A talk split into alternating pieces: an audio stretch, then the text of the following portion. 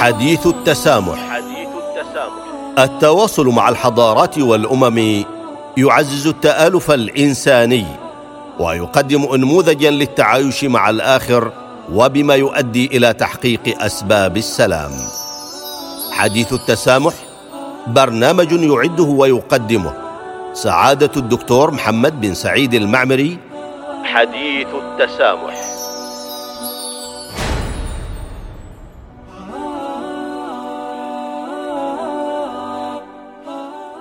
بسم الله الرحمن الرحيم. الحمد لله والصلاة والسلام على رسول الله وعلى آله وأصحابه أجمعين والتابعين لهم بإحسان إلى يوم الدين. أيها المستمعون والمستمعات لإذاعة الصمود السلام عليكم جميعا ورحمة الله تعالى وبركاته واهلا ومرحبا بكم في حلقة جديدة من حديث التسامح. نتناول في هذه الحلقة علاقة التسامح بتحقيق التنمية المستدامة. بالرغم من ظهور مصطلح التنمية المستدامة لأول مرة عام 1980 من قبل الاتحاد الدولي من أجل حماية البيئة إلا أنه انتشر على نطاق واسع بعد إعادة استخدامه عام 1987 للميلاد.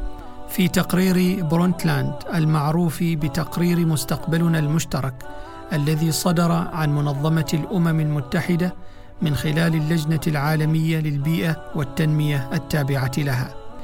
ومن خلال هذا التقرير فإن التنمية المستدامة تسعى إلى التوفيق بين أبعاد ثلاثة اقتصادية واجتماعية وبيئية. ويؤكد التقرير على أن تنمية البعد الاجتماعي لا يكون إلا بضمان حقوق جميع أفراد المجتمع بدون تمييز وهذا لا يمكن تحقيقه إلا بإرساء دعائم قيمية متينة وأولها قيمة التسامح بين أفراد المجتمع الواحد تحقيقا للتكامل والتكافل الاجتماعي. وتشير العديد من الدراسات والأبحاث إلى أن غياب التسامح في مجتمع ما يعد خللا في المنظومة القيمية لذلك المجتمع يؤدي مع الوقت إلى هشاشة بنيانه وتماسكه وقدرته على التعايش والمشاركة كما يفقده استقراره السياسي وكذا الأمني لأنه يوجد بيئة خصبة للنزاعات والصراعات وبالتالي زعزعه الاقتصاد مما يشكل عائقا نحو النمو والاستدامة ناهيكم عن التأثير على التنمية نفسها. وهذا بدوره أدى إلى عدم تمكن أغلب الدول رغم جهودها المبذولة من تحقيق كافة أهداف التنمية المستدامة منذ انطلاقها. إننا في عالم يضم ما يقارب سبع مليارات نسمة تجمعنا الإنسانية رغم اختلافاتنا وتبايننا ويقربنا التعارف رغم تنوعنا وتعددنا. يقول الله سبحانه يا أيها الناس إنا خلقناكم من ذكر وأنثى وجعلناكم شعوبا وقبائل لتعارفوا. وليستقر هذا العالم ويعم فيه السلام ولكي تحقق مجتمعاتنا تنمية مستدامة يتعين علينا جميعا افرادا ومجتمعات أن نفقه العيش معا وأن نكون مدركين تمام الإدراك بأن ما نقوم به على الصعيد الشخصي له تأثير على الحياة العامة من حولنا وعلى حياة أناس آخرين في هذا الكوكب وكذلك على الأجيال القادمة التي ستتعلم منا السبل المثلى للتعاطي مع متطلبات هذه الحياة.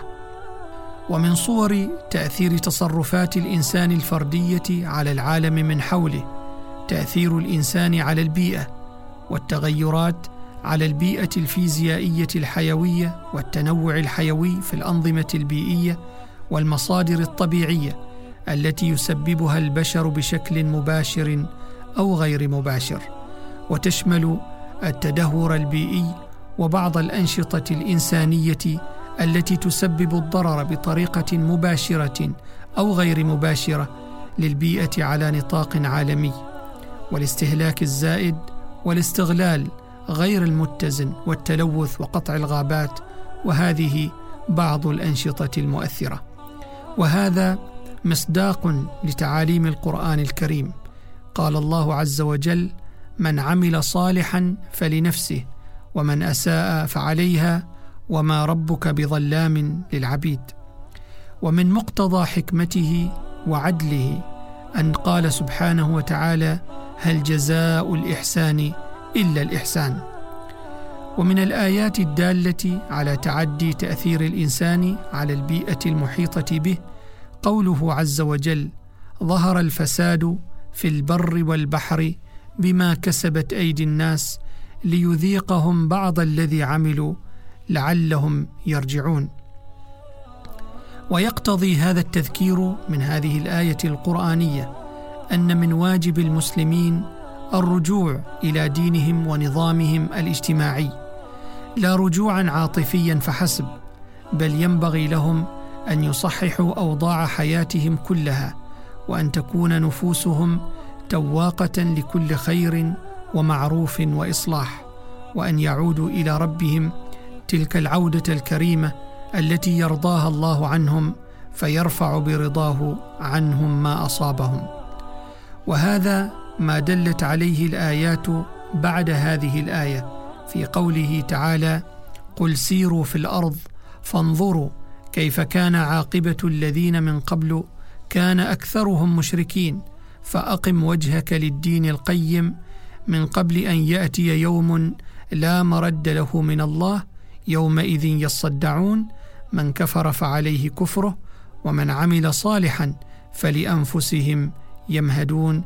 ليجزي الذين آمنوا وعملوا الصالحات من فضله إنه لا يحب الكافرين. والحاصل أن كل عمل يقوم به الإنسان يترك أثره في المجتمع كما يترك أثره في الأفراد عن طريق المجتمع أيضا ويسبب نوعا من الأثر في التنظيم الاجتماعي. فالذنب والعمل القبيح وتجاوز القانون مثلها كمثل الغذاء السيء والمسموم إذ يترك أثره السيء في البدن ويقع الإنسان نتيجة لذلك للآثار السيئة لذلك الغذاء. وفي المقابل فإن العمل الصالح له أثره الصالح أيضا فبه تتنزل الرحمات وتزداد البركات ويستجاب الدعاء ويعم الأمن والأمان. إن الأعمال الصالحة تثقل موازين العباد يوم القيامة ويرتقي بالعبد عند ربه. وأن الله عز وجل يكافئ عباده الذين قاموا بإنجازات على المستوى الإنساني بأن يستمر ثوابها بعد موت أصحابها فإذا مات الإنسان انقطع عمله إلا من ثلاثة صدقة جارية أو علم ينتفع به أو ولد صالح يدعو له. كما أن العمل الصالح في الحياة ينال بها الإنسان المؤمن الحياة الطيبة في الدنيا قبل الحياة الطيبة في الآخرة. ويؤدي العمل الصالح ايا كان نوعه إلى ترابط المجتمع وتماسكه ويدفعه إلى حمل كل معاني الإخاء والصداقة فيتخلص المجتمع من جميع أشكال الحقد والغيرة من الآخرين وخاصة أن هذه الأمراض الاجتماعية تدمر المجتمعات والعلاقات بأسرها. ولقد أدرك الإنسان العماني عبر التاريخ أهمية تخلقه بخلق العمل الصالح والمؤتلف الإنساني والتسامح والتفاهم لدفع عجلة التنمية والاقتصاد قدما. فقد كان التجار العمانيون همزة الوصل بين العرب في الشرق والغرب في قارة آسيا ليس فقط بتمكنهم من مهارات الإبحار وخبراتهم في العلوم البحرية بل بحسن أخلاقهم وجميل تعاملاتهم التي هيأت لهم سبل بناء العلاقات والصلات مع مختلف حضارات العالم. صلات وعلاقات وثيقة تؤكد عليها الآثار وتشهد عليها المخطوطات حيث تعود بعض هذه الآثار إلى عصور ما قبل الميلاد. فليس بالغريب أن نجد القزويني أبو يحيى زكريا المتوفى سنة 682 للهجرة حينما يصف موقع ميناء في الهند يستدل بعمان فيقول إنها بلدة بأرض الهند في منتصف الطريق بين عمان والصين. وليس غريبا كذلك أن نقرأ في المخطوطات عن أبي عبيدة عبد الله بن القاسم التاجر العماني الذي كان من أوائل العمانيين الذين وصلوا الصين حيث كان وصوله إلى ميناء كانتون قرابة العام 133 هجرية ولم يلبث بحسن أخلاقه حتى قلده إمبراطور الصين آنذاك سون سينزون بلقب جنرال الأخلاق الطيبة. وذكر ذلك في مراجع عدة. كيف لا؟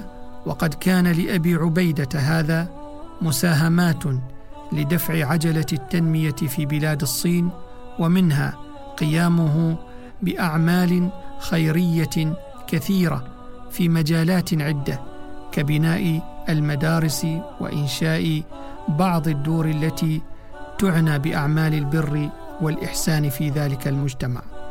فما أجمل هذا التسامح وما أجملها من صفة إسلامية وهدي محمدي.